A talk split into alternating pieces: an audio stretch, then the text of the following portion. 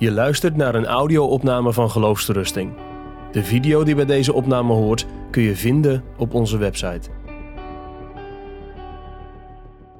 Het behaagde de Heere hem te verbrijzelen. Misschien heb je daar toch een vraag over. En dat je zegt, hoe kan God nou vreugde vinden in het verbrijzelen van de Heer Jezus? Werd God dan echt blij van die lichamelijke vormen van lijden die Jezus onderging? Werd God dan echt blij van die innerlijke psychische strijd die Jezus voer op het kruis? Dat is een goede vraag. Je kunt namelijk niet zeggen dat God blij is van lijden op zich. Dat God geniet van lijden. Nee, God verheugde zich niet in het lijden aan zich, maar God zag het totale plaatje. Hij zag wat het lijden zou opleveren. Hij zag wat de dood van de zoon van God aan vruchten zou voortbrengen, aan baten zou kunnen voortbrengen. En daar verheugde God zich in en daar verheugde Jezus zich in. In Hebreeën 12, vers 2 staat dat Jezus uh, het kruis heeft verdragen en de schande heeft veracht vanwege de vreugde, het welbehagen dat hem in het vooruitzicht gesteld was. Dus Jezus deed het. Hij keek over die bergtop van het lijden heen vanwege de zegen die daaruit voort zou vloeien. En zo ook met de Vader. De Vader doorzag wat het lijden van zijn zoon aan effecten zou opleveren. Het had kosten, maar het heeft ook baten. Het heeft ook winstposten. Het kruis van Golgotha. En ik wil jou ook vijf winstposten geven van het kruis van Jezus Christus. Allereerst, wat bewerkte de dood van Jezus aan het kruis? In Jesaja 53 vers 10d staat: Het welbehagen van de Heere zal door zijn hand voorspoedig zijn. Je kan ook vertalen, zal door zijn hand, door de hand van de Messias, door de hand van de Heer Jezus, zijn voortgang hebben. Met andere woorden, waar die welbehagensidealen van God, namelijk dat God zijn eigen naam en zijn eigen eer lief heeft. En tegelijkertijd een volk lief heeft dat zijn naam niet lief heeft. Die kunnen niet bij elkaar komen. Zo hebben we eerder gezien. Maar God heeft zijn zoon, in wie hij ook een welbehagen heeft, aan het kruis geslagen, aan het kruis verbrijzeld. Met de bedoeling dat die twee uitersten weer bij elkaar komen. Dat God weer ongestoord met mensen kan omgaan die zijn naam liefhebben, die zijn eer hoog houden en die het karakter van God koesteren. Met andere woorden, het welbehagen van de Heer gaat door de dood van Jezus zijn voortgang hebben. Als jij tot levend geloof in de Heer Jezus gekomen bent en je hebt de eer van God lief gekregen en je hebt het karakter van God leren bewonderen en de goedheid van God omarmt, dan ben jij het bewijs dat door Jezus Christus het welbehagen van God zijn voortgang heeft gevonden. Doordat God met jou kan omgaan. Dat God ongestoord met jou omgang kan hebben. Omdat door de dood van de zoon de weg is vrijgemaakt. Het welbehagen van God met zijn schepselen omgaan is hersteld. God kan bij de mensen wonen. Nu ten dele in de gemeente door de Heilige Geest, maar straks op de nieuwe hemel en de nieuwe aarde ten volle. Als God zijn tent zal opslaan bij de mensen. Dat is de eerste winstpost van Golgotha. Het welbehagen van God vindt zijn voortgang. De tweede is dat de vader wist dat de zoon de dagen zal verlengen. Dat staat in Jesaja 53 vers 10c. Hij zal de dagen verlengen. Wat betekent dat? Nou, betekent dat Jezus niet dood zou blijven. Dat hij verlenging zou krijgen. En welke verlenging? Eeuwig leven, opstandingsleven. Jezus zou opstaan uit de dood. Jezus zou op het kruis de Vader verheerlijken. Maar in de opstanding zou de Vader de Zoon verheerlijken. Heb je daar wel eens over nagedacht? Hè? Dat op die paasmorgen die steen was weggerold. Dat graf leeg, die doeken netjes opgerold. En daar moet dus een moment geweest zijn dat de Zoon van God, die echt dood was, plotseling levend werd. Hij stond op. Hij versloeg de dood op eigen terrein, zou je kunnen zeggen. Hij stond op, hij ontdeed zich van de grafdoeken en kwam uit dat dode graf.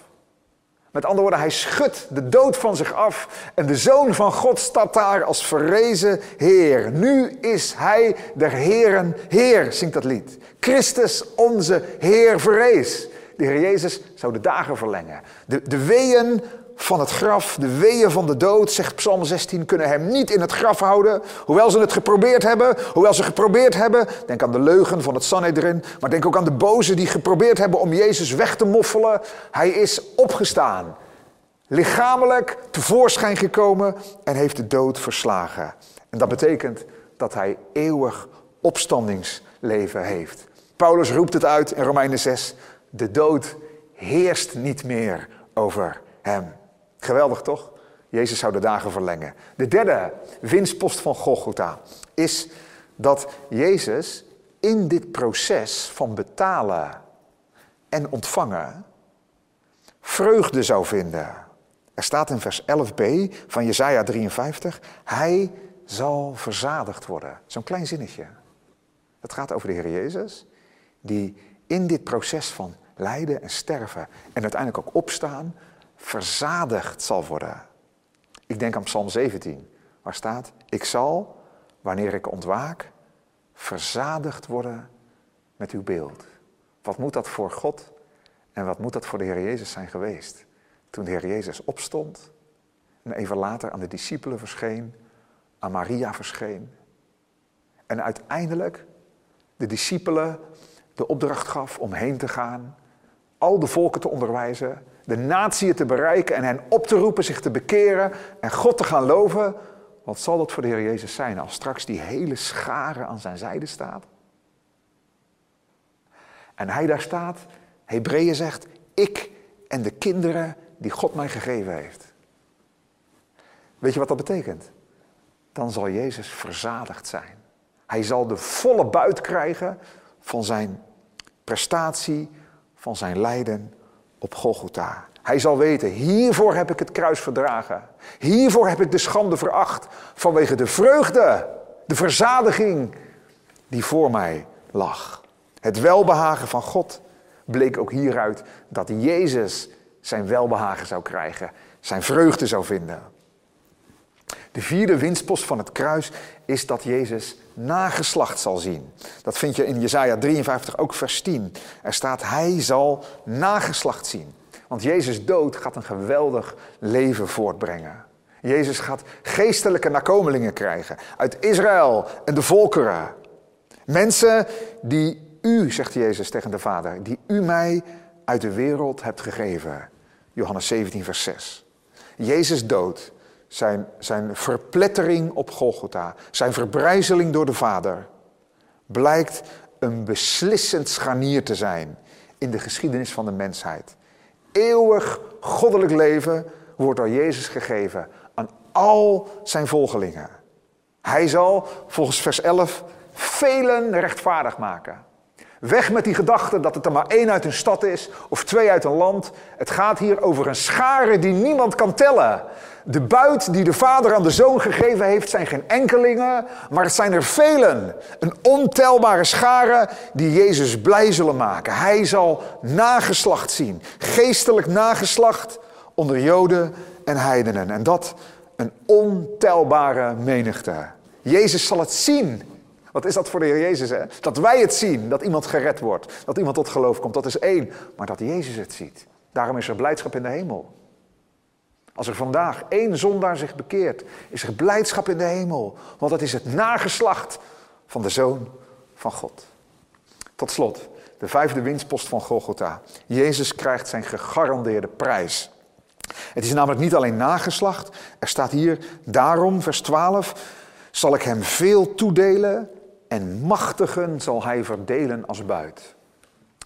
Ehm, dit is eigenlijk het beeld van een koning die de heerschappij krijgt. Hij heeft een overwinning behaald en krijgt de heerschappij over een volk, over een land. Dat is wat Jezus ook is toegezegd. Niet alleen zielen die zijn nageslacht zijn, maar hij zal ook de heerschappij gaan voeren met het volk Israël, maar uiteindelijk op de hele nieuwe aarde zal hij regeren. De Vader gaat hem veel toedelen.